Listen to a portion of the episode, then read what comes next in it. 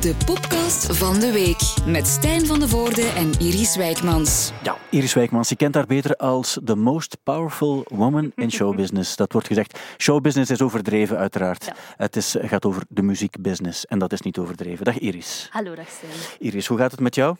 Uh, goed, ja, Ja. best oké. Dat is belangrijk, want het is goed dat we met een open vizier de muziekactualiteit van deze week kunnen bespreken, evalueren ook en eventueel ook wat kunnen duiden. Daarvoor ben jij er uiteraard ook. Ehm laat ons beginnen met de essentie van de muziekactualiteit en dat is Phoebe Bridgers. Altijd, altijd Ja. Phoebe Bridgers. Wat, eh, wat is er exact gebeurd? Kan jij het even verklaren voor de mensen die niet 100% mee zijn? Ja, dus deze week eh, heeft ze een optreden gegeven eh, op Saturday Night Live. Ja. En daar heeft ze op het einde eh, van haar nummer, eh, I Know The End, denk ik, Ja. ehm, haar gitaar kapot geslagen op een monitor. Ja. Ehm, wat op zich niet iets nieuw is in de rock and roll. Veel mensen hebben dat ooit gedaan of doen dat nog. Ehm, en zij heeft dat dus ook gedaan en daar kwam redelijk veel commentaar op. Mensen waren echt boos. Mensen zeiden, oh, dat is een verspilling van de gitaar en weet ik veel wat nog allemaal. Dan kwam er daar weer commentaar op van, ja, jullie zeggen dat gewoon omdat ze een vrouw is. En, Ja. Ehm, dus ja, heisa, op- heisa, heisa. Om het kort samen te vatten, er gebeurde iets wat we al lang kennen, eh, Mhm. want effectief Jimi Hendrix heeft zijn gitaar in de fik gestoken, de Clash heeft dat gedaan. Eh, heel veel mensen hebben dat gedaan, maar zij doet het en dan komt er commentaar op. Nu, er, er is wel iets over te zeggen. Wat, toen ik het zag, dacht ik, ehm, ze heeft het gedaan om een beetje te lachen met het cliché van de gitaar Mhm. kapot slaan. Want hoe ze het deed was, was, was eigenlijk, zag er vrij knullig uit. En dan bedoel ik dat soms bij sommige artiesten klopt dat ook. En dan denk je van, ja. Terwijl ik had zo het gevoel bij haar, als ze zo die gitaar over, ze, ze, ze trok hem over haar Mhm. hoofd, maar die, ze deed dat niet echt vlot of zo. Maar ik denk ook dat het niet, niet de bedoeling was om het, om het cool te laten zijn, want ze lachte bijna. Ze, Ja. terwijl ze deed, lachte ze er eigenlijk ook wel mee. En ik denk dat het daar eerder te maken heeft. Het is een nummer met een heel chaotisch einde. Het is ook het, het laatste nummer van de, de laatste plaat die ze ja, gemaakt heeft. normaal is ze daar aan het roepen en Ja. schreeuwen. En nu dacht ze, daar, in de plaats daarvan ga ik gewoon mijn gitaar kapot slaan. Ja, ze heeft ook een beetje geroepen nog eerst, hè, Ja. voor de gitaar eraan ging. En dan zeiden de mensen, ja, maar het is zo'n Dan Electro, zo, wat blijkbaar een heel goedkoop gitaarmerk is. En ze heeft de toestemming gevraagd of het mocht, wat uiteraard ook niet waar was. Maar ehm, ze... Allee, het grappigste is misschien ook dat er een reactie kwam, of er werd om een reactie gevraagd aan, eh, aan David Crosby, die we kennen van Mhm. Crosby, Stills Nash, van hits als Our House en zo. En ze vroegen wat vond je ervan? En toen zei hij eh, pathetic. En toen heeft zij geantwoord op die Ja. tweet, little bitch. Wat ik wel grappig Wat heel grappig was ook, omdat David Crosby, dat is voor de, de oude boomer-generatie een soort van god, dat is hij ook. Ehm, ik heb onlangs zijn docu gezien ook en blijkt het echt een heel vervelende mens te zijn, want iedereen die ooit met hem heeft samengewerkt, wil niets meer met hem te maken hebben. Maar los daarvan is die mens nu, nu oud geworden ook en die wordt nog wel gerespecteerd. Maar met zo'n dingen moet hij niet afkomen en dan is het funny dat je iemand als Phoebe Bridgers hebt die dan eh, zich alles behalve laat doen. En eh, het maakt niet uit wie iets Mhm. zegt. Zij heeft nu het recht van, vanwege haar status om die op, op zijn plek te zetten. Hè? Ja, en ik vond het ook wel cool dat ze dat gewoon deed. Ja. Want ehm, ja, dat daar commentaar op komt. Ik denk dat dat altijd wel is, dat er mensen verontwaardigd zijn van oh, je maakt iets kapot en oh, dat is zo duur. En ik vond het eerlijk gezegd wel net iets minder cool of zo toen dat ze zei van ja, maar de monitor was toch fake en ze hebben dat gemaakt zodat er wat vuur uit spuurde als ik daarop sloeg Ja, mijn wat ook zo was, hè? Ja. Ja. en dat vond ik, dan dacht ik wel van ja, oké. Want, is- maar... Ik, Je ja, zag het ook, hè? Want die, dus die gitaar ging ook niet kapot. Nee. Dus die, die bleef gewoon. Dat, dat, je zag ook, het leek alsof, ze, alsof, ja, alsof die gitaar gewoon te sterk was, of zij had te weinig kracht, dat kan ook. En dan zie je ook, als ze slaat met die gitaar, komt er zo gensters uit. Maar dat is Mhm. niet zo als je, als je met een gitaar slaat. Dus dan is het een soort van pyro-effectje. Maar dat vond ik op zich ook niet zo erg, want het, was, het was voor de grap ook allemaal. Mhm. Ja, en op het einde zei ze ook gewoon van ja, het stond op mijn bucketlist, ik wou het gewoon eens doen, ik heb het nu gedaan.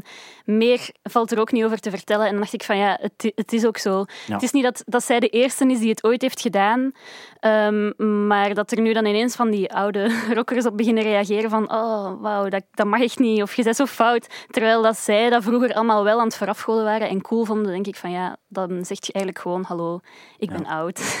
Ja, er was ook iemand die zei, ah, en ze heeft die tweet ook geliked, die zei, ah, Phoebe Bridgers een schande, ze heeft die eh, gitaar kapotgeslagen, terwijl er zoveel kinderen in, in Afrika honger hebben. Ehm, nu kunnen ze die gitaar niet meer opeten. en ehm, dat vond ik eigenlijk nog misschien mooi samengevat.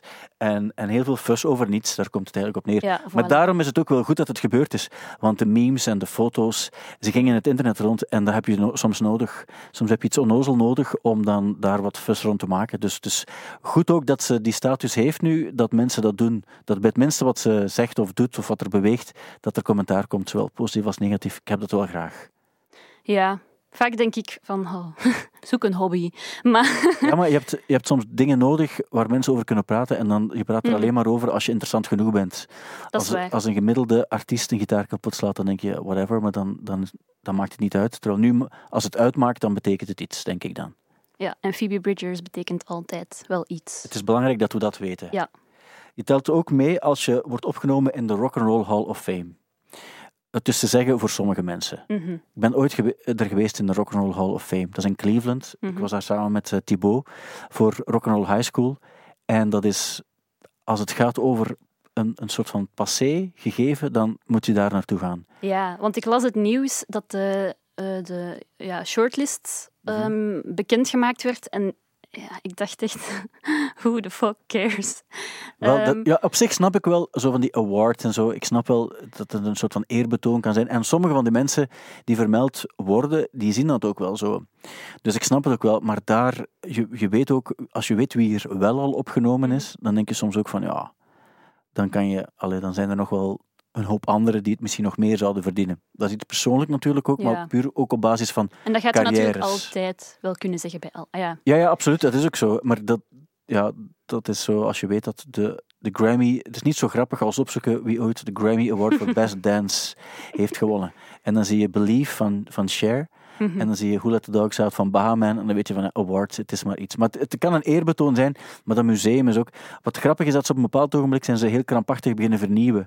En daarom moesten we heel hard lachen toen we ook de laptop van Skrillex daar zagen staan, achter zo een goed. glas. Maar goed, er zitten wel grote namen bij uiteraard. Zullen we ze eens overlopen? En ik stel voor dat jij ook jouw, jouw Ja, drie ehm, figuren eruit haalt die zeker een nominatie verdienen volgens jou. oké. Is, we hebben Kate Bush, Devo, The Go-Go's, Iron Maiden, Chaka Khan, Carole King, Fela Kuti, LL Cool J, New York Dolls, Rage Against the Machine, Todd Rundgren, Tina Turner en Diane Warwick. Het zijn allemaal wel grote namen Ja. natuurlijk. Bij elke naam denk je wel, oké, ja, ik snap waarom. Ik ook. Ehm, maar ik vind sowieso bij de Rock and Roll Hall of Fame, als je al- als, bijvoorbeeld als Foo Fighters daar nu al in staat, ah ik vind dat precies zo een titel die je geeft aan iemand wiens carrière zo wat een einde is. En dat je dan zo zegt van, oké, kijk, ja. wauw, jouw carrière betekent iets. Dan zou ik als Dave Grohl zijnde misschien liever nog een paar jaar wachten of zo. Ja, voor alle duidelijkheid, je moet 25 jaar Ja. geleden een album gemaakt hebben en dan pas kan je opgenomen worden. Dus je moet 25 jaar bezig zijn, dat is een minimum. Dat is waar. Maar ik heb zo... eh, Ja, ik denk, als je carrière ten einde is, dan is dat misschien nog een mooi eerbetoon. Maar nu, als je nog volop bezig bent, vind ik dat misschien zo wat gek. Ja. Dus ik zou sowieso Kate Bush zeggen. Ja, oké. Ehm, gewoon Waarom? om... Ja, ik vind die super cool. En gewoon alleen al om het dansje tijdens het lied van Wuthering Heights, wat een hele beweging Ja. teweeg heeft gebracht in de wereld, ehm, vind ik dat ze daarop mag staan. Ik vind dat echt een eh, geweldig figuur. Je moet wel een beetje tegen die stem kunnen, hè? Want Ja. ik, voor één nummer kan ik daar ook wel goed tegen, maar als ik dan denk van straks toch niet, niet nog een nummer, denk ik, als ik hoor. dat is persoonlijk, hè? Dat is waar. Maar wel een grote, het heeft gigantisch veel platen verkocht Ja, ook. Ja. Dus daarom. En ik vind het raar dat Tina Turner er nog niet op staat. ja, misschien wel met Ike en Tina, weet ik niet helemaal Ah, zeker. Wat, wat ik ook wel beter zou begrijpen, want die Ike was een, een smeerlap, maar wel de man die ook op zo het allereerste officiële rock and roll nummer heeft meegespeeld en en ehm, ik denk dat ze samen op hun best waren. De Tina Turner uit de jaren 80, toen ze echt de grootste popster op aarde was, samen met Madonna en Michael Jackson enzovoort ook, maar toen kon ze de wij van Werchter alleen voor zich vullen. Toen was het ook wel cool, maar zo Simply the Best en zo. Mhm. Dat, dat vond ik dan zo iets, iets minder cool als zo de, de periode daarvoor klinken. Maar ook dat is weer persoonlijk, hè? maar dat vond ik zo... Ja, Maar, Maar ze ik- verdient het wel. Ik, ja ik heb en haar... ik vind van de twee onthoudt onthoudt iedereen toch Tina. Eh, ja, dat is een beetje, ja, ik denk ook omdat, omdat haar solo-periode achteraf, daar is ze zo groot geworden. Mhm. Maar als het gaat echt over zo coole nummers maken, dan denk ik van, dat het wel zo Tina voor een groot stuk was. Maar ik, had, ik heb haar ook in mijn top 3 gezet. Sowieso, ik vind dat zij erbij moet. Ze noemen haar ook de, de, de Queen of Rock and Roll. En ehm, ook weer voor diezelfde reeks waar ik het net over had, zijn we ook, Mhm. ook naar, naar Nutbush geweest, waar ze opgegroeid is. En dan zie je ook dat die uit totale armoede is opgeklommen tot, tot zo de, de top van de wereld. En dat is altijd cool om te zien. Nu woont ze wel in Zwitserland om te rentenieren en zo. maar ook dat mag. Ja, dus, dus zij mag er ook in. Ja, oké. Ehm, goh, en dan verder. Hmm, Je hebt er nog maar twee, hè? ja, ik weet het. Ehm, verder maakt het mij niet zo heel veel uit. Maar natuurlijk, ehm, ja, Het is moeilijker, hè? ja. Verder, eh, mocht jij mijn lijstje aanvullen? Ja, nee, ik had ook ik vond Tina Turner sowieso, die vond ik, leek me heel te- te- terecht. Dan Carole King, waar ik het dadelijk over wil hebben, want die Tapestry is 50 jaar geworden. En ik vind dat een heel interessante plaat, als een perfecte popplaat zijnde. En ook een, een plaat met een verhaal als het gaat over eh, hoe cool ze eigenlijk was als, als mens. Omdat ze maakte die, die, die plaat eigenlijk in, de, in een periode waarin vrouwen niet geacht werden om liedjes te schrijven, laat staan te schrijven en, en uit te brengen. En ze heeft dat wel gedaan en dat is eigenlijk een, een perfecte popplaat geworden die, waarbij ze ook als eerste vrouw werd opgenomen. Of Grammys won ook enzovoort ook. En eh, ik dacht ook van, je hebt van heel veel vrouwen waarbij ze zeggen, ehm, ja, dat is, dat is girl power. Ze zeiden zelfs van de Spice Girls. Terwijl de Spice Girls die zongen liedjes die door mannen geschreven waren en werden samengesteld door, door mannen in een band. En dan dacht ik van ja, dan zit je met zo iemand, als het gaat over, zo de, over muziekbeleving en de, de, de start en zo iemand die zich niets aantrok van wat de bedoeling was, vond ik wel dat het heel cool is. En er is een heel goede documentaire gemaakt, Natural Woman heet die, waarbij ze zelf haar verhaal doet en dan, dan heb je nog meer sympathie voor haar. Want het is ook een heel sympathiek mens daarnaast ook. En eh, ze was jarig gisteren, denk ik, of eergisteren, 78 jaar geworden. En ze doet het nog altijd fantastisch. En die You Make Me Feel Like a Natural Woman moet je eens opzoeken op, op YouTube of zo. Als eh Rita Franklin het zingt voor haar eigenlijk, als ze Ja. was het de Kennedy Honors eh, krijgt door, door president Obama nog. Ze zingt dat dan. En dat is eigenlijk dat is het coolste, want haar stem... Hoe Carole King zingt is heel cool, want zij zingt het altijd met... eh het is niet te veel, niet te veel gedoe, niet te veel, ah, niet te veel toonladders en niet te veel tremble. En ze zingt het zo heel recht door zee. Wat ook wel cool is, zo, dat het niet te veel eh, trap, trapjes op en, en afgaan is. Maar ehm, ik vind het gewoon heel cool klinken. Dat, dat het, eh, En dus, die ja. plaat was de- deze week ook 50 jaar, 50 oud. jaar oud, ja. Tapestry, ja. En die nummers die erop staan, I Feel the Earth Move, heb je dan Mhm. zo It's Too Late, So Far Away, uh, You've Got a Friend, uh, uiteraard You Make Me Feel Like a Natural Woman. Allemaal nummers waarbij heel veel mensen ook niet echt weten dat, dat ze geschreven zijn door Carole King, omdat ze vaak in de coverversie bekender zijn. Dit vind ik bijvoorbeeld ook zo'n een heel cool nummer. A smile on your face and show the world all the love in your heart. Het is ook zo cool dat het... ehm, de, die, die liedjes die klinken allemaal zo vrolijk, maar het is echt een break-up plaat. En het is wat klef, klef soms ook. Het is eigenlijk als je... Je moet ook officieel zo de, de Eagles heel klef vinden. En dat is ook zo. Ik vind die ook klef, maar ik vind die soms ook zo schoon. En het is een beetje exact hetzelfde. Het is dezelfde plaats, dezelfde tijd. Het is in Laurel Canyon ook geschreven. Zo de, de, de, de wijk in Los Angeles op een berg, echt een canyon, waar al de singer-songwriters, Johnny Mitchell en zo, die gingen dan daar nummers schrijven. En die kropen er allemaal samen in huizen en die probeerden elkaar beter te maken. En die zaten ook in dezelfde studio. Johnny Mitchell heeft ook meegezongen op deze plaat ook. En dat, dat is zo die sfeer die daar rondhangt, die vind ik, ik vind dat heel... Ik vind dat ideaal om zo te romantiseren van hoe dat was. Want ik denk dat er ook heel veel gedoe was met drugs enzovoort ook. Maar in dit geval denk ik dan, ja, dat is, dat is toch echt een beetje wat het, wat het toen moet geweest zijn in mijn hoofd. Ja, snap ik. Dus die wil ik er graag ook bij. Oké. En ik heb er nog één die ik misschien ook graag wil laten horen. Eh, ik vind Race Against the Machine zou ik er ook graag bij willen. Ehm, die die eh, band die klinkt nog altijd. Je hebt heel veel bands uit de jaren 90 die hopeloos passé zijn. En bij Race Against the Machine vind ik dat een pak minder. Ja. En die, die plaat, die debuutplaat bijvoorbeeld, ah, dat is die, die kracht die daarin zit. Je kan er ook wel mee lachen omdat het zo super angry is en zo. Maar hoe dat klinkt nog altijd, die energie vind ik onwaarschijnlijk. En ze gingen eigenlijk vorig jaar gingen ze weer samenkomen en gingen ze spelen. En iedereen verwacht ook dat ze dan deze zomer ook weer, ook Mhm. weer zouden spelen. En ik dacht ook van, eigenlijk is dat, als het gaat over zo unieke live momenten, dan zal ik niet zo heel snel... Ik heb ze voor het eerst gezien in 93, toen ze op Pukkelpop speelden. Mhm. En dat was toen ook bij de, de, de plaat die in 92 volgens mij is uitgekomen, zo het jaar daarna. Maar toen waren ze echt al huge en die Killing in, in the Name of een Bomb Track en zo, iedereen kende dat ook al. Maar ik wil graag eens... ehm, En nee, dan zijn ze weer samengekomen, denk ik een jaar of 10, 15 geleden, op, op eh, Pinkpop. En de dag erna, of twee dagen erna, in Sportpaleis. Maar op Pinkpop was dan de eerste keer in vele jaren dat we ze terugzagen. En toen zijn ze begonnen met... ehm, ehm, eh, hoe heet het nu weer? Ah, Bulls on Parade. Mhm. En dan is er een live plaat die ze uitgebracht hebben, live in Los Angeles. En die, eh, die, die plaat begint ook met Bulls on Parade. En ik weet onlangs toen er gesproken werd over Rage Against the Machine, dat ze weer samenkwamen, dan dacht, toen wil ik dat nummer nog eens laten horen. Die intro gewoon. Eh, omdat ik dacht, als ik nu aan één band denk die ik nu zou willen zien, na heel lang niets live gezien te hebben, dan is het Rage Against the Machine, die beginnen met Bulls on Parade. En als, als je het goed vindt, eh, dan wil ik graag eens... Mag ik deze laten horen? Ik vind het goed. Het is eigenlijk vooral... Ik ga ook de veel te lange intro erbij eh, stoppen. Want het is eigenlijk... Probeer je, eigenlijk moet je je ogen dicht doen, behalve als je aan het rijden bent. En dan moet je je voorstellen, je bent aan het, aan het wachten op een, op een optreden.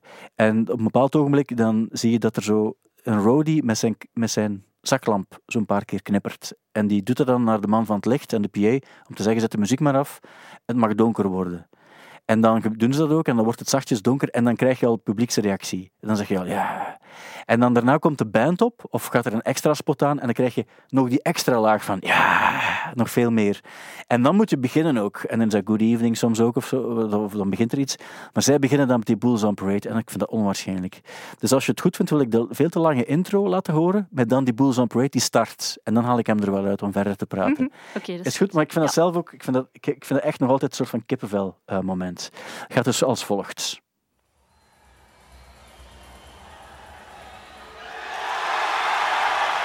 Snap je? Hier is dan zo de eerste golf, hè. Mhm.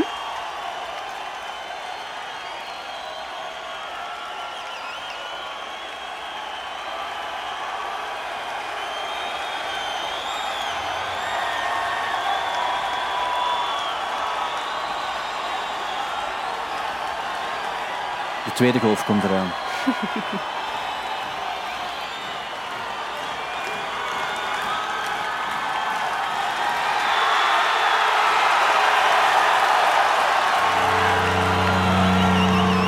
Hier- hoor je die Tom Morello al zachtjes zo met zijn gitaar. Een soort van lawaai maken.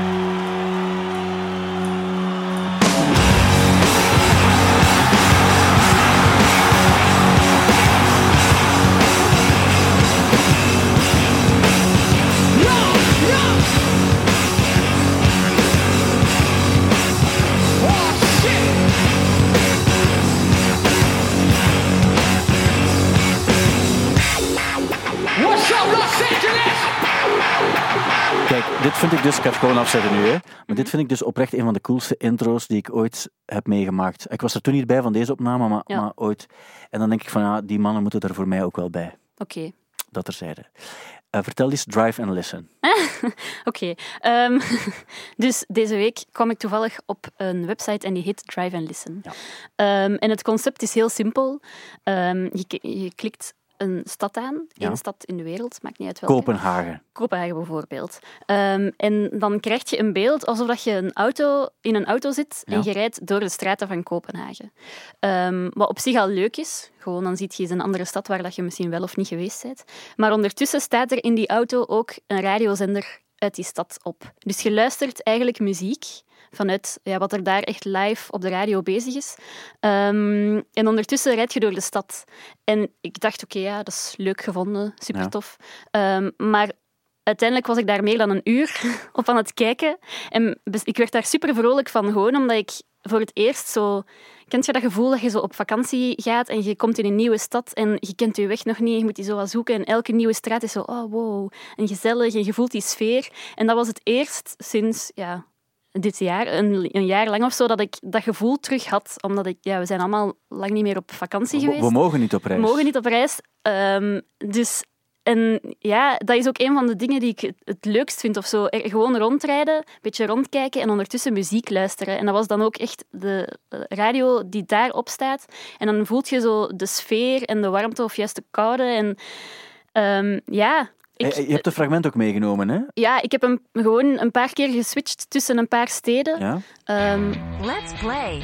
Dit is dan New York bijvoorbeeld.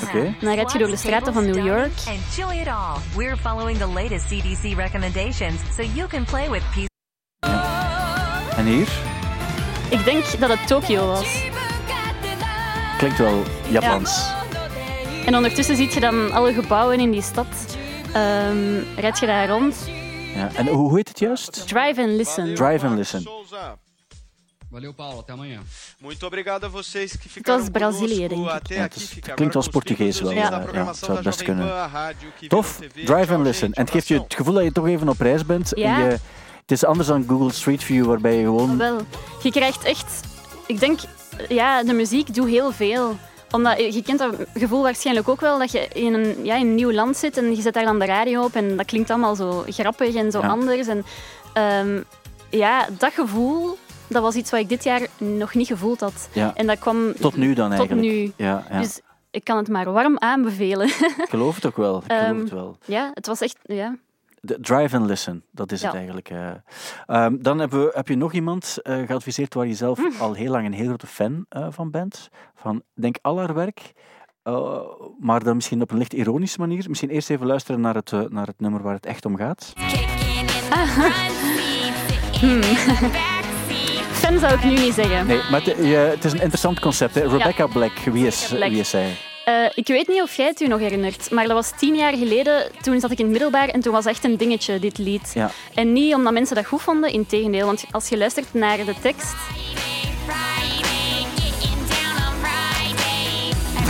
Dat is niet het meest diepzinnige nummer dat je ooit Nee. al gehoord hebt. Zeker nu.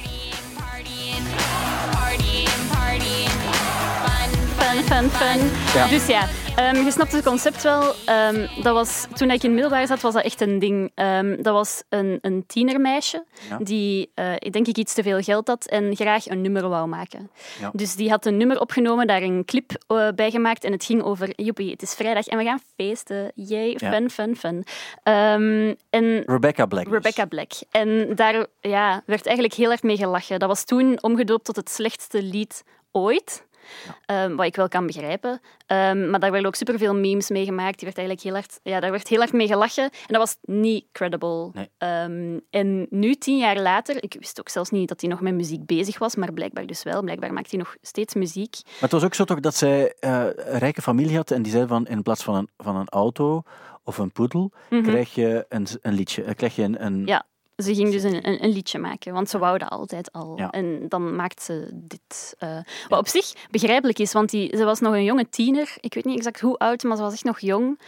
Ehm, dus ja, dan heb je misschien ook niet de, de capaciteiten om zo, eh, ja, een, in te schatten of iets ja, goed is. ah, wel. Ja.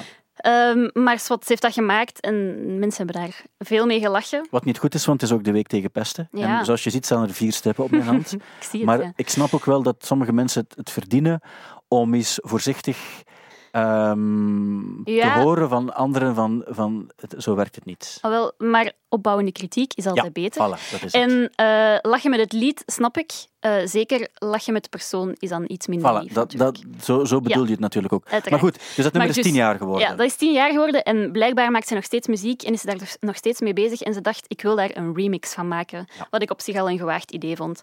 Maar ze gaf zelf ook aan, ja, ik wist eigenlijk niet dat er artiesten zouden willen meedoen, zich daaraan zouden willen wagen. Maar blijkbaar is dat dus wel echt gebeurd. Ehm, en er is nu een remix uit, die kwam deze week uit. En ik heb die eens beluisterd en ik was een beetje verschoten met de features die meededen op het nummer. Want dat waren eigenlijk allemaal heel credible Amerikaanse artiesten, zo het genre artiesten die zo ehm, op een Le Nuit Botanique nacht in de kelder daar zouden spelen tot laat. Zo van die eh, underground elektronische pop. Ja. Zo, ik weet niet of je Dorian Electra kent, maar ook Big Frida en eh Trio 3 doen daarop mee. Dat zijn zo allemaal van die... Ik ken, Ja. ze, ik ken ze niet om eerlijk te zijn, maar ik, ik zie ze wel al op een affiche staan, zoals je zegt, ergens eh, op een plek waar je denkt van, ja, pff, daar ga ik toch niet onmiddellijk naartoe gaan. Zo. Omdat het te underground is voor mij. Ah, wel, ja, het is zo heel eh, zo op het bovenste verdiep van de Beurschouwbrug zouden die dan zo op een avond staan. Eh, en dan, ja, ik beluister dat nummer en dat was dan ook echt zo wat je ervan verwacht met die namen erbij. Zo de over-the-top poppy elektronische muziek die zo'n beetje PC-music vibes heeft. En ik dacht, oké, shit, dat is ineens een credible nummer geworden. Was het, maar het was credible, maar was het plots zo'n goed nummer geworden? Dat zou ik niet durven zeggen, maar ik, de combinatie van de credible namen en de sound die nu zo echt wel eh, op een bepaalde manier iets heeft en leeft, in combinatie met mijn generatie die nu ook tien jaar ouder is en die nogal eens graag nostalgisch terugblikt op eh, toen we nog jong waren, die combinatie is een perfecte combinatie om van Rebecca Black ineens zo een cultfiguur te maken. Is het een beetje zoals, nu, nu, nu je het zo vertelt, moet ik eraan denken ook, heet ze nu weer? Ehm, van M to the B. M, M, M, to the Eh, B. Millie, Millie, Millie Brown? Millie B. B? Is niet? Oké, Millie B. Dat was ook zo toch iets, er werd dan wat mee gelachen en dat werd half ironisch en plots was het goed. Ja, Zo, oh, nee, ongeveer. Maar Millie B was, was geen, eh, geen verwende teenager, hè? Nee, ze was, Was wel een- van de street. Dat was van de street. Zullen we eens luisteren naar dus de remix van Mhm. Rebecca Black en Friday door hipsters eh, in elkaar gehaald. Ja. It's Rebecca Black, Dorian Electra, 303, and Big Frida. It's the fucking weekend, people.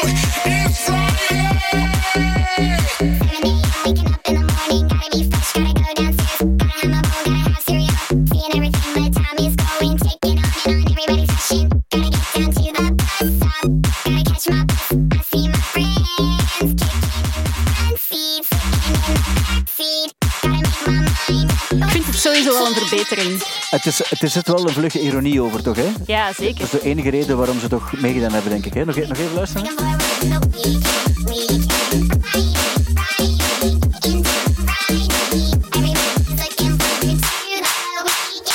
Maar dan sta je daar eh, op een, een superhippe plek, of in de recyclaar of zo, ergens, of ergens, eh, zoals je zei, het bovenste verdieping van de Beurschouwburg, waarbij je weet van, van hier gebeurt het echt en hier wordt geen enkele fout gemaakt tegen de, de verplichte muziek die daar gespeeld moet worden.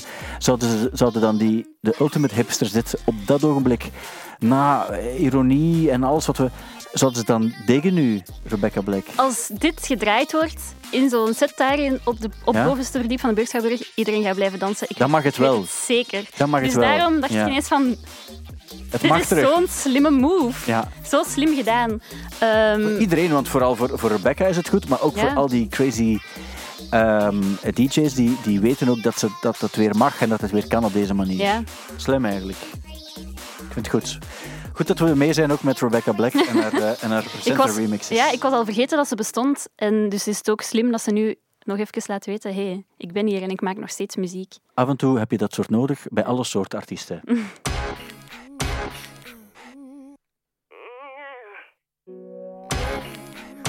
Ik laat dit niet zomaar horen natuurlijk, eh, maar het is wel... Als je het zo hoort, klinkt het wel altijd heel goed, hè? Ja, ik vind... Britney heeft echt goede nummers. Maar ik vind die Hit Me Baby One More Time en zo bijvoorbeeld, vind ik ook een heel goed nummer. Ehm, dat, is, dat is deels haar verdienste, deels de verdienste van de mensen die eigenlijk gewoon geschoold zijn en getraind zijn om perfecte popliedjes Ja, te maken. maar dat is wel bij veel artiesten. Ja, ja, maar, maar het ik bedoel... gevoel dat je daar vaak wat over struikelt, maar Nee, dat maar ik- gebeurt bij zoveel artiesten dat dat Ja. toch geen punt meer is. Dat is, nee, dat is geen punt, maar dat is wel zo. De gast die dit gemaakt heeft, die maakte ook de, alle hits in die periode, de tweede helft van de jaren 90. Die maakte hits van de Backstreet Boys. Mhm. Die schreef voor iedereen, ook voor credible artiesten, absoluut. Maar het is wel een, een formuletje dat heel goed werkt en heel goed marcheert. Maar het is wel formulemuziek. Ja, tuurlijk, maar dat, dat is iets van alle tijden, hè, toch? Ja, ja, maar als je de, ik heb nu gekeken ook naar, Ja. naar, haar, Ja. naar haar docu. Hè. En dan zie je ook dat het echt zo'n soort van kindsterretje ook was. Een Mhm. soort van beter getrainde Rebecca eh, Black. Black. Ehm, die dan via eh, ouders die wel zo dan de juiste mensen blijkbaar aangesproken hebben, want anders komen ze via de Mickey Mouse Club en zo waarin ze gestart is, krijgt ze dan wel de kans om ja, voor, me- voor mensen die voor, voor, voor kindsterretjes liedjes maken, in dit geval, die hebben haar dit aangesmeerd ook. En dat is gigantisch goed uitgekomen, want het was eerst aan andere mensen aangeboden. Aan onder andere zo TLC bijvoorbeeld, die hebben dit ook aangeboden gekregen. Nee, dat was die Hit Me Baby One More Time, maar die hebben dan gezegd van, we gaan het niet doen, want Hit Me Baby One More Time, dat klinkt gewoon heel verkeerd. Terwijl het eigenlijk door een zweet is geschreven, eh, die Max Martin, die dan eh, niet goed besefte wat hij eigenlijk zei. Hij dacht, hit me, hit me up, zo bel me, dat het daar eigenlijk over ging. Ehm, maar in dit geval, ja, zij is wel de figuur die het groot gemaakt heeft ook, door wie ze was ook en hoe, hoe het er allemaal uitzag en zo. Exact. En ehm, nu is er heel wat te doen rond die docu Framing Britney Spears. Ja. Ik heb hem nog niet gezien, maar Nee. ik, eh, ja, ik had hem wel zien passeren en ik ga hem dit weekend nog kijken. Eh, omdat ik het wel een heel interessant fenomeen vind. Ja. Ehm, maar je hebt hem wel gekeken, hè? Maar ik heb hem gekeken ook en het gaat eigenlijk. Het, gaat, het is van de New York Times, die hebben het Ja. gemaakt. En je kan het normaal via Hulu zien, maar via het internet kan je hem ook op andere manieren zien. En het gaat eigenlijk over het feit, dus op een bepaald ogenblik heeft Britney Spears na haar glorieperiode eind jaren 90, begin jaren 2000, nou, toen ze echt de grootste wereldtours deed, heeft ze een inzinking gekregen. En je ziet ook hoe dat komt. En je- we weten dat eigenlijk ook wel wat. Die werd eh, achtervolgd door paparazzi overal waar ze kwam. En eh, zij, eh, die hebben haar echt het leven zuur gemaakt, omdat ze er heel veel geld voor kregen. Een goede foto van Britney was heel veel waard, want die zorgde ervoor dat alles goed verkocht. En ehm, ze heeft een inzinking gekregen, ook in de periode nadat ze haar, haar twee kindjes had gekregen. En wat is er dan gebeurd? Ja, ze hebben op een bepaald ogenblik, in, in 2008, hebben ze haar onder het bewindvoerderschap geplaatst, zoals het dan heet, van haar vader en een advocaat. En die hebben eigenlijk alles overgenomen van haar. Op een bepaald ogenblik had ze, kon ze haar kinderen ook nauwelijks eh, zien, want die Kevin Federline, wat eigenlijk een heel foute kerel was, die had haar het hoederecht afgenomen ook. En dan is dat een beslissing geweest in de rechtbank, waarbij ze zeiden van kijk Britney, al jouw financiën bijvoorbeeld en, en alle belangrijke beslissingen die worden gevoerd door jouw vader. Je kan zelf niet zomaar geld, je kan wel geld van je rekening houden, maar jouw vader kan bijvoorbeeld alles blokkeren. En ehm, op een bepaald ogenblik is het ook duidelijk geworden eh, dat Britney uit haar dal was geklommen. Of zo, zo voelen de fans dat aan. Ja. Ze heeft het moeilijk gehad en ze, is ze heeft hulp gezocht ook. En ze had een breakdown waar iedereen ook wel eens recht op heeft. Zeker als je dat soort dingen meemaakt. Maar je kan daar dan ook uit geraken. En dan heeft ze nu misschien wel het recht om terug bevrijd te worden van alles wat daar, van al haar vrijheid die, die, die afgenomen is. Daar komt het ongeveer op neer. Ja, want haar fans hadden ehm, ja, wat geheime boodschappen of zo verborgen boodschappen van haar eh, ontdekt in haar filmpjes of zo. Want ze Ja. deed dan eh, dansjes op haar social media. En dan Ja. zeiden de fans van de volgende keer, als je bevrijd wilt worden, doe dan dit danspasje. En dan deed ze dat danspasje of zoiets. En dan eh, waren alle fans woest van ze wil bevrijd worden en wij moeten haar bevrijden. En Ja. Dus eh, Ja, want er was zo'n Ja. een podcast gemaakt ook eh, van twee meisjes die analyses deden van de Instagram van Britney Spears. En die Instagram, dat komt ook voor in de docu. Op een bepaald ogenblik zeggen ze, ehm, de, de macht van de paparazzi is eh, afgenomen door Instagram. Want plots konden artiesten zelf beslissen wat ze toonden uit hun privésfeer. En toen had het niet meer zoveel zin Ja. om, om naar op zoek te gaan.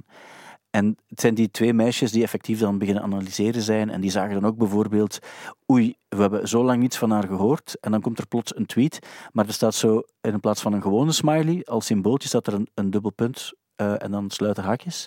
Waardoor ze zeiden van, ja, maar dit is niet door Britney zelf gemaakt. Dit is door iemand anders gedaan. En dat is, wat ik daar interessant aan vind, is dat je een soort van mysterie, het is geen moordmysterie, maar, maar het gaat over iets heel juridisch-technisch eigenlijk. ja. Waarbij mensen toch proberen om iets te doen voor een favoriete artiest. Maar ik vind het wel in- interessant. Ja. Ehm, daarom dat hij zeker nog op mijn lijstje staat. Want ik ben ook wel... Maar ik weet niet of er eh, ook een conclusie is in de documentaire. Of dat er nu... Want wat ik zeker benieuwd naar ben, is wat dan nu de motivatie is van haar vader. Is het nog steeds ehm, om voor haar te zorgen of gaat het om het geld? Ik denk de reden waarom de documentaire vrij goed is, is omdat er niet echt een kant, een kant gekozen wordt Mhm. en dat er ook eerlijk wordt gezegd van, ah, kijk, zij en zij en zij wilden niet meewerken aan deze documentaire. Ehm, dan heb je misschien als maker snel de neiging om hen dan ook in een soort van slecht daglicht Ja. te stellen. Dat is niet het geval. Wat wel eh, wat geïnsinueerd wordt door bepaalde figuren uit de entourage van Britney, is dat op een bepaald ogenblik, die, eh, vertelt er iemand, ja kijk, en die vader, want Britney Spears kwam uit een vrij arm gezin, of een heel doordeweeks gezin, maar absoluut geen rijke familie. En die vader heeft op een bepaald ogenblik gezegd van kijk, mijn dochter gaat mij ooit een boot schenken met al haar inkomsten. Is dat ironisch gezegd? In wat voor een context? Dat weten we niet. Maar er wordt wel licht geïnsinueerd dat die mensen er wel in zit voor het geld. En Britney heeft nu besloten dat ze nauwelijks nog iets wil doen, zolang haar vader toezicht heeft over haar financiën. En ze, mensen hebben het gevoel dat ze niet vrijuit kan spreken, omdat als ze het toch doet, zou het misschien wel eens kunnen dat, dat ze haar kinderen niet meer mag zien, bij wijze van spreken. Zo'n zo'n dingen. En wat er ook boeiend aan is, is dat heel wat mensen dan ook het, het juridisch systeem in twijfel trekken. Want het is een rechter die beslist van kijk, Britney, dit is het beste voor jou en voor jouw familie en voor jouw kinderen. En dan moeten we daaraan twijfelen eigenlijk, want misschien hebben we dan het gevoel, ja, maar die rechtbank doet geen juiste uitspraken. Maar is het dan wel aan ons om een rechter in twijfel te trekken? Ja. Snap je? Dat is het, het ingewikkelde aan het hele gegeven. En ook het boeiende er ook wel aan. Eh, want als je dan het rechtssysteem in twijfel trekt, dan zit je plots wel bij iets zeer ernstig. En dat is heel raar dat, ehm, dat, dat wij als fans, want zo noemen we ons toch, denk ik, eh, dat we ons daarover uitspreken. En Ja. ik denk dat er heel veel mensen, het heel persoonlijk, want je ziet heel veel, eh, zo de Holibi-gemeenschap staat daar vooral buiten te protesteren, want ze zeggen van Britney heeft ons geholpen om makkelijker uit de kast te komen bijvoorbeeld, en, en nu willen wij iets terug doen voor haar, waarbij, ze zo waarbij die mensen zo gemotiveerd zijn om, en zo hard geloven dat zij er moeten zijn om, om haar te bevrijden, terwijl je niet echt weet of het Nee. ook wel echt zo is. En dat, dat is gevaarlijk, hè? Want Absoluut, wie ja. zijn wij als fans om te oordelen over haar mentale staat? Ja. Of wat dat zij kan, of... Maar ja... Daarom, ik vind het heel, een heel interessant verhaal. Absoluut, en daarom moet je zeker kijken. Ik moet zeker kijken. Als, het, als, het, als je de tijd hebt, bijvoorbeeld. Dan moet je het zeker doen. Oké, eh, nog iemand die gestorven is ook deze week, spijtig genoeg.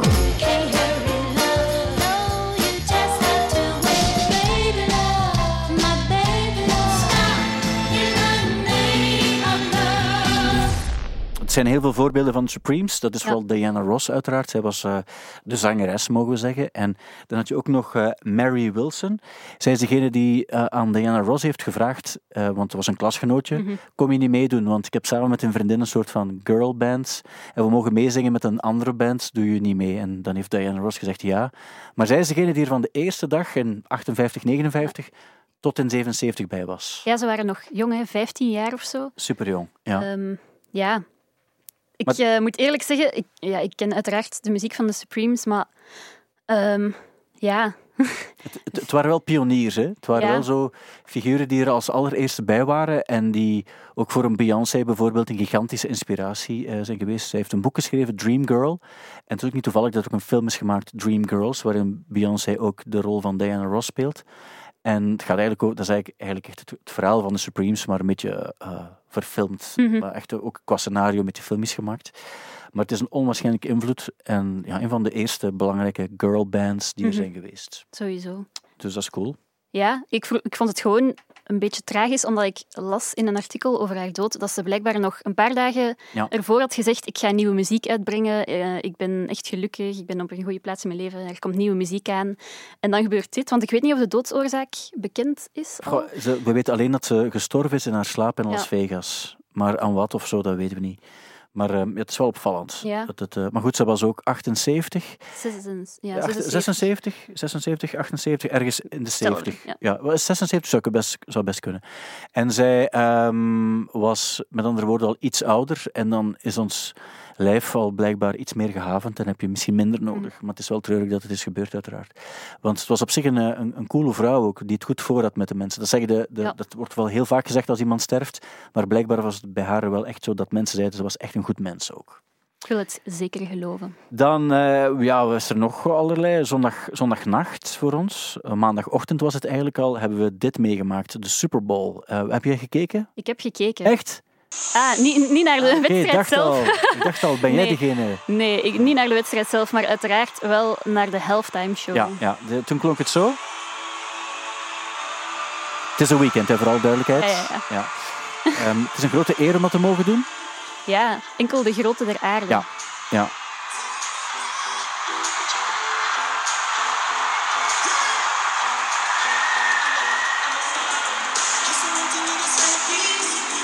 Wat ik heel interessant vind aan deze opname is, nu kan je zeggen van zeg, maar dit is wel gewoon Ja. heel slecht van het net geript of zo. Maar dat is niet zo. Dit is echt hoe het is uitgezonden. En dat valt me altijd op bij die halftime shows. daar wordt, dat kost miljoenen. Dat is, hoeveel, was het? 10 miljoen of zo? Dat er alleen al voor, die, voor dit kwartiertje is geïnvesteerd. geld. Het zag er cool uit, hè? Ja, ik vond het echt super tof. Want normaal ben ik niet de persoon die echt zo gaat kijken naar livestreams. En vaak Ja. vind ik dat zo'n heel steriele, saaie setting. Waar dat totaal niks wordt overgebracht of zo. Je moet gewoon kijken en luisteren. Dat vind ik soms echt wel saai. Ja. Maar dit was echt ja, spektakel ten top of zo. En je merkt ook wel natuurlijk dat er veel geld in kruipt.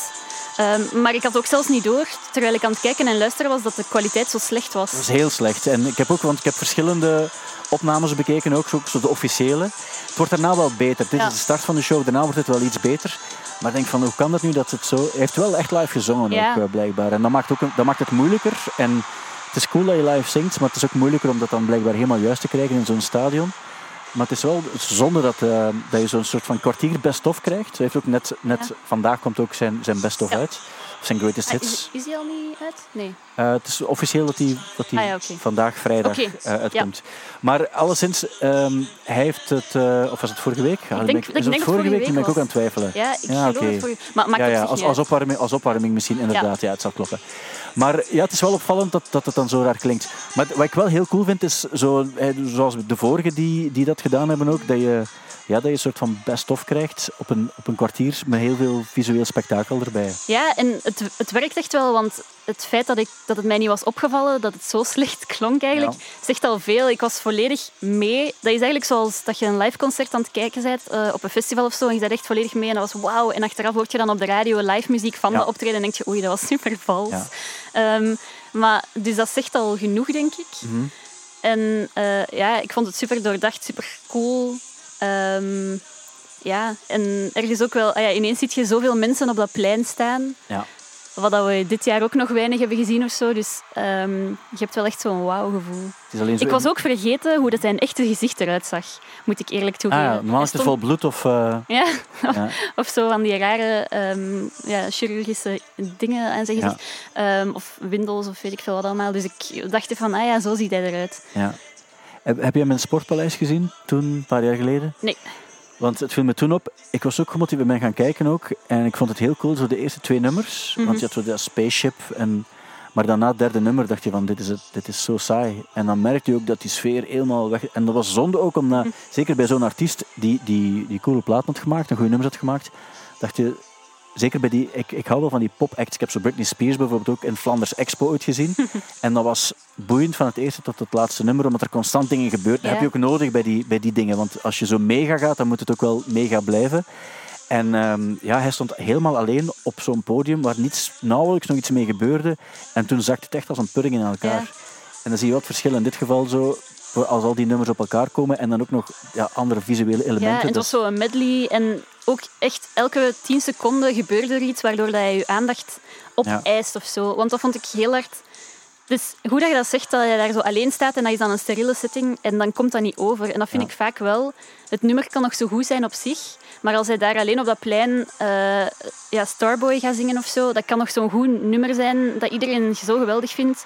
Als je dat niet overbrengt of zo op een bepaalde manier, als je niet de emotie mee in je gezicht duwt of de, het gevoel dat erachter zit, dan is het saai of zo. En dat vind ik dat hij hier super slim gedaan heeft. Er was heel erg nagedacht over, oké, nu hebben we tien seconden die dansers, nu moet er weer iets nieuws zijn. En dan was er vuurwerk en dan straks nog eens vuurwerk, maar nog groter. En ehm, dat is heel hard spektakel, maar ik vind dat dat hier heel hard klopt. En dat werkte ook. Ja, absoluut. Ik denk ook dat dat, dat het, eh, hetgeen is. Er is een, een tijd geweest dat het hip was om helemaal alleen op een podium te staan, omdat je het gevoel had van eh, alleen is voldoende voor mij. Eminem heeft dat ook een tijd gedaan, hoewel hij ook nog met een band op een podium heeft gestaan.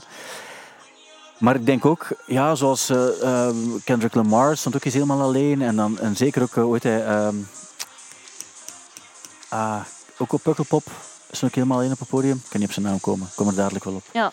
Eh, de man die ook zo de Nirvana-covers en zo heeft gedaan, eh ik kan niet op zijn naam komen. Ah, eh, Post Malone. Post Malone. En dat waren zo'n triestige concerten van eigenlijk heel cool artiesten die, die goede nummers maken en ook live heel cool zouden kunnen zijn. Maar dan live krijg je zoiets half mak en dan denk je van, ja, dat, dat, dat heb je, soms heb je iets meer nodig. Ja. En een cool nummer is een cool nummer als je het hoort, maar als je het wil zien moet je ook visueel iets geven. Mhm. En dat was wel in dit geval zo, denk ik. Eh, Oké, eh, dan hebben we nog een paar dingen die niet onbelangrijk zijn. Ja, eh, Scaramanga Silk. Heb je dat gezien? Ja, Ehm, ik zag een artikel op NMI passeren dat Ja. er een singeltje verkocht was, een promosingeltje. En dat was het duurste, de duurste plaat ooit verkocht op Discogs. En dat was bijna dubbel zo duur als de plaat die op nummer 2 nu staat dan. En dat was er een van Prince. Ja. Dus ik dacht, oh, the fuck. En dat was van een onbekende band, eh, Scaramanga Silk Ja. dus, die maar toen, toen het artikel verscheen, maar zeven plays per maand op Spotify had, wat dus echt niks is. Nu zijn er, ik ben eens gaan kijken, nu zijn er al eh, een dikke duizend, maar dat is nog altijd echt heel weinig. Ehm, en ik had daar nog nooit van gehoord. Ik ben dan gaan luisteren. Ik vond dat ook echt niet goed. Het is zo'n beetje zo passé prodigy of zo. Ja? Eh, zo, zo klinkt het alleszins. Het is eh, niet onmiddellijk hetgeen wat ik eh, nog de meest relevante muziek zou noemen. En het is ook niet geloofwaardig in principe dat mensen daar veel geld aan zouden geven. Ja, zou, het, zou het was eh 41.000 dollar of zo. Ja. Wat echt ongelooflijk veel is. Ja.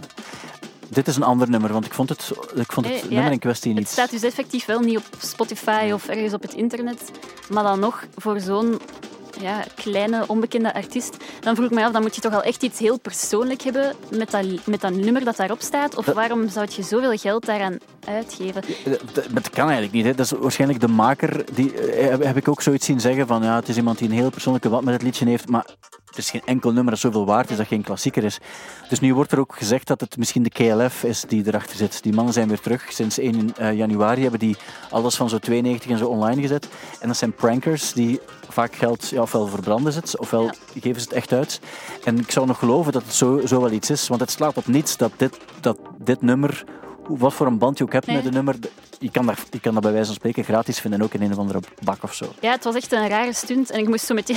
Ik dacht zo van, proberen die nu een GameStop te doen, maar dan met muziek, want zo werkt het niet. Ja, nee, nee, in dit geval niet, want het is niet zo als het opnieuw verkocht wordt dat er nog iemand 42.000 dollar aan gaat geven. Maar het is wel cool weer dat het gebeurt. Eh, dat vind ik dan ook wel weer. Oké, we gaan dat afzetten, hè, want we hebben dat een Graag, beetje gehad, ja. denk ik, eh, als het niet, niet stoort. Ik wil nog vertellen dat eh, BTS die gaan een very special edition van MTV Unplugged doen. Ja, ik heb het ook gezien. Over BTS mag je niets verkeerd zeggen, want dan heb je het BTS Army dat je over je heen krijgt. Ja, is dat? Ah, Ja, ik heb dat al een paar keer meegemaakt ook. Oké. En dat zijn, dat zijn crazies die dan eigenlijk ehm, ja, op een specifieke manier proberen om een band te verdedigen, wat niet nodig is, want BTS is een populaire band. Mhm. En dan denk ik, goed voor iedereen dat die band bestaat en goed dat ze een MTV Unplugged gaan doen. Ik ga alleen wel heel hard moeten lachen, denk ik, als ik het zie. Ja? Want ik was wel benieuwd toen ik het las. Omdat, ook, ik ook. Ja, MTV Unplugged, ik ga eerlijk zijn, ik wist zelfs niet dat dat nog steeds bezig was. Maar Liam heeft ook nog een gedaan. hè. Ja, ja. En die was, die was helemaal niet unplugged zoals het hoorde. Ah, wel. Ja. Ehm, dus daarom, maar ik dacht wel, oké, dat is nu een artiest waarbij dat ik ehm, wel echt eens benieuwd ben hoe dat zij muziek gaan vertellen. Want bijvoorbeeld bij Liam kunt je je perfect inbeelden als hij een Ja. akoestische set doet, je kunt je daarbij wel iets inbeelden. Maar bij BTS, dat is een, een ja, echte popband. Opletten wat je zegt, hè. Ja, maar ik, ga, Ah, ik, ik wil, ben niet... Ah ja, dat is een echte popband. Die hebben choreo's, die hebben dansers. Ah ja, dat is echt met visuals. En dat is zo een totaalpakket of zo. Dus dan ben ik wel eens benieuwd wat dat gaat zijn als ze het eh stripped down gaan doen of zo. Ja. Het, gaat, het gaat sowieso de moeite zijn om te kijken. Sowieso de moeite. Ja, maar echt, ik ga echt kijken ook. En, en Nee, maar ik ben wel eens benieuwd. Ik want ook, jij- ik ook. Want, maar ook naar uw mening, want jij haalt het wel aan. Dus jij vond het ook opvallend. Zeker, ik vond het, maar ik ben, voor alle duidelijkheid, ik ben geïnteresseerd in alles wat BTS doet. Eh, omdat het, daar zit iets, iets crazy achter ook. Zo. Dat is een soort van een kracht die daarachter zit, die we, die, we, die we niet kennen, die we niet kunnen vatten ook. Van zo de, de, de- zeker ook al de loesje verhalen over die, over die K-pop bands ook, die, die maken het alleen maar mysterieuzer ook. En zeker ook omdat niemand geeft daar interviews en niemand wil echt zeggen hoe het gaat. En die fans maken dan ook zelf hun eigen verhalen over hoe, hoe, hoe creatief die mannen ook zijn. En er zal soms ook wel iets van aan zijn ook, maar er wordt zoveel over gebullshit ook, waardoor het alleen maar boeiend is. Dus ik ben heel benieuwd om te kijken ook. Ze gaan het opnemen in Seoul, uiteraard, in, Mhm. eh, in Zuid-Korea. En het gaat sowieso de moeite zijn. Yes. Oké, Iris. ehm. Ondanks een harde eh, zakenvrouw, ben je ook iemand met een hart en een ziel, uiteraard. Dus Ja. jij zal ook zondag eh, Valentijn moeten vieren. Ja. Ik eh, vraag me dan af ook, eh, het is natuurlijk heel hip om tegen Valentijn te zeggen en zeggen dat het een Is dat, is dat nog eh, steeds hip om tegen Valentijn te zijn? Wel, in, in mijn hoofd niet. Ja. Integendeel, maar ik ben natuurlijk ook zeer romantisch van aard, dus dat maakt natuurlijk een groot verschil. Maar ik vind ook de tijd waarin je je er vanaf kon maken om te zeggen, ach, het is een commercieel opgeklopt, geforceerd feest, die tijd is al lang voorbij. Ja, en dat vind ik ook zo'n beetje echt... Ah ja, dat is, dat is zo om er, om er eens goed tegen te zeuren. Van kijk, ik ben tegen Het establishment. En wel, niemand zegt u dat je naar een winkel moet gaan en het cliché van rozen en chocola moet kopen. Niemand zegt dat. Vind ik wel. En zo'n beer erbij ook. Ja, niemand zegt dat je dat moet doen. Ja, dus stop met daarover te zeuren. Doe wat je wilt, maar Ja. je moet daar niet over zeuren. Het is wel een goed Dat is moment. mijn mening. Nee, het mag ook, maar het is een goed moment om romantische muziek nog wel eens aan te halen. Ja. En ik heb ook aan jou gevraagd om, om eens het meest romantische nummer dat jij kent, om dat even te selecteren. Ik heb het zelf ook gedaan. Ik heb zelf voor dit gekozen. Ehm, het is van Ween. Het gaat vooral over de, de boodschap en het refreintje. Moet ik het doorspoelen? Ja, doe maar. Het komt eraan, hè? Nog een beetje doorspoelen. Ah, oké, dat komt eraan. Nu komt het, hè?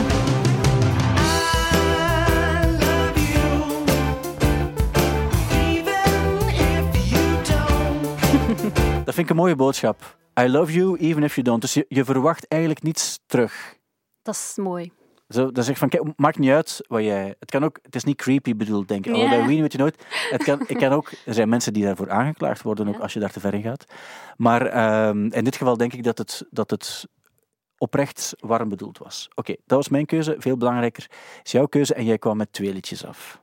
Eh, ah, eh, ja, nee, ik vond het moeilijk omdat ik niet goed wist wat uw definitie van romantisch was. Want als je Ah. zegt romantische muziek, denk ik meteen aan zo van die kleffe knuffelrock. Ook. Ehm, Mr. Mister. oh, en dat is zo de muziek dat ik echt... Oeh, Ehm, Dat is heel negatief. eh. ja, maar ik ga ook nooit bij... Als ik bij een liedje denk van... Ik, ga- ik heb nog nooit gedacht, maar dit is echt een romantisch liedje, wauw, mooi. Ehm, maar dan ben ik eens gaan denken en dan dacht ik, oh, zo klef, maar toch echt goed. Vind ik zo die cover Baby I'm Yours van Arctic Monkeys. Deze, ook- Ja. Gewoon, die tekst is zo... Ja, zo tijden van de Beatles simpel. Zo. Ah ja, simpel, maar heel simpel, maar toch ook mooi. Pop. Ja, en ook gewoon als ik wil dat iemand een romantisch liedje zingt, dan is het Alex Turner. Ja. Dus ik dacht, ja, Oké, dat begrijp ik helemaal. ik vind het een, het is een mooie cover, ik vind het goed gedaan. En langs de andere kant kan het ook perfect op het einde van een romantische ah ja, romcom Romcom, film. ja. En dan is alles goed en het einde is mooi. Dus ik dacht, misschien is dat dan Zeker. wel, ik wel de definitie van romantisch. Ik vind het een mooi, eh, mooi liedje. Eh, maar ja, Iris zou Iris niet zijn, mocht ze ook voor iets veel vuiler eh, nog gegaan zijn. Eh, ik ga eerlijk zijn, ik dacht bij het nummer nu niet aan Valentijn. Maar ehm, jij maakt de link omdat de titel van het liedje eh, The Holding Hand ja, is. dat is eigenlijk de definitie van, van Valentijn. Hè, met hand in hand over straat Oh, lopen. ja. Ja. maar het is van de Deense punkband Ice Age. Ja. Ik, ik weet niet of je die kent. Of, eh, Van ziens. ja. Ja. ik ben ook niet... ehm, ja, ik vind ze wel goed, maar ik ga niet zeggen dat ik elk nummer van hun van binnen en van buiten ken. Maar ehm, ik heb wel een paar platen van hun geluisterd, een aantal jaar geleden. En nu ehm, zag ik een nieuw nummer van hun passeren. Dat heet The Holding Hand. Verder kun je daar iets romantisch in zien. Zeker, ik zie, er, maar ik zie zo'n zonsondergang en twee mensen die hand in hand over, straat, over strand lopen. Ja. Ehm, Maar dat beeld gaat snel weg als je het lied hoort, want het is echt... eh, het is een punkband, maar ik vind zo... Dit is zo meer... Ja, het is echt zo slepend, het is ruw en het is zo... eh, zo die gitaar en de drums die beuken echt zo elke keer... bam, bam. Ik vind het echt heel goed. En ik was aan het luisteren en het bouwt steeds verder en verder op. En ik dacht, oh, dat is zo, het bouwt zo steeds meer op naar zo arena-rock bijna. Ja, ja, ja. Eh, dus totaal niet zo de punkband die ik van u gewoon ben. Ehm, en ik vond dat een supercool nummer. En toen dacht ik, oh, Ice Age past ook bij deze week, want het heeft gesneeuwd. Ja, het is, de, de relevantie van dit nummer is gelaagd. Ja. Enerzijds zeg je, dit is mijn ultieme Valentijnnummer aller tijden. Anderzijds zeg je, het heeft ook gesneeuwd, dus dan klopt het ook. En het is nieuw. Het is nieuw. Relatief ik denk, nieuw, hè? ik denk van vorige week Ja, al, maar dat maakt niet uit. Het is nieuw. nieuw. Dat is natuurlijk omdat jij ook dus de grote beslissingen neemt als het gaat over de catch of the day. En dan moet je soms rekenen, is het niet te oud om catch of the day te worden? Dus dat begrijp ik ook. Zullen we eens luisteren ook? Ik zou zeker eens luisteren. The Holding Hand van Ice Age. Ja.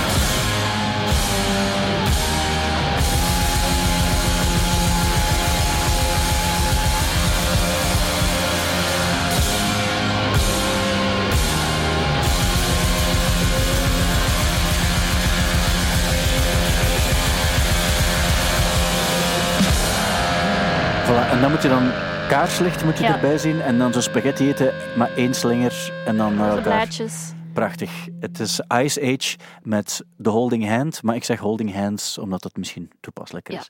Iris, dankjewel om hier aanwezig te zijn. Bedankt dat ik hier aanwezig mocht zijn. En we moeten nog iets opnemen ook voor de spot, de radiospot die dan Aha. ook loopt. Ehm, dus ik eh, dacht om het in de sfeer van Britney te houden Mhm.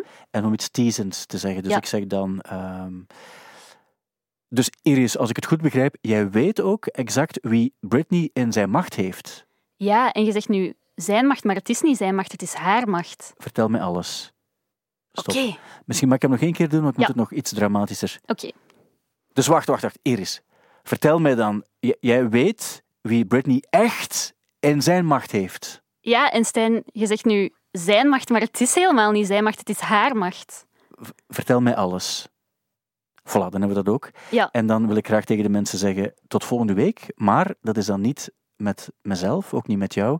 Maar dan is het eh Lennart, die gaat samen met Joris Hessels opnieuw een, pod- een podcast opnemen. En ze gaan daarbij vooral een, ongeveer een uur lang praten over het belang van Star Sailor in 2021.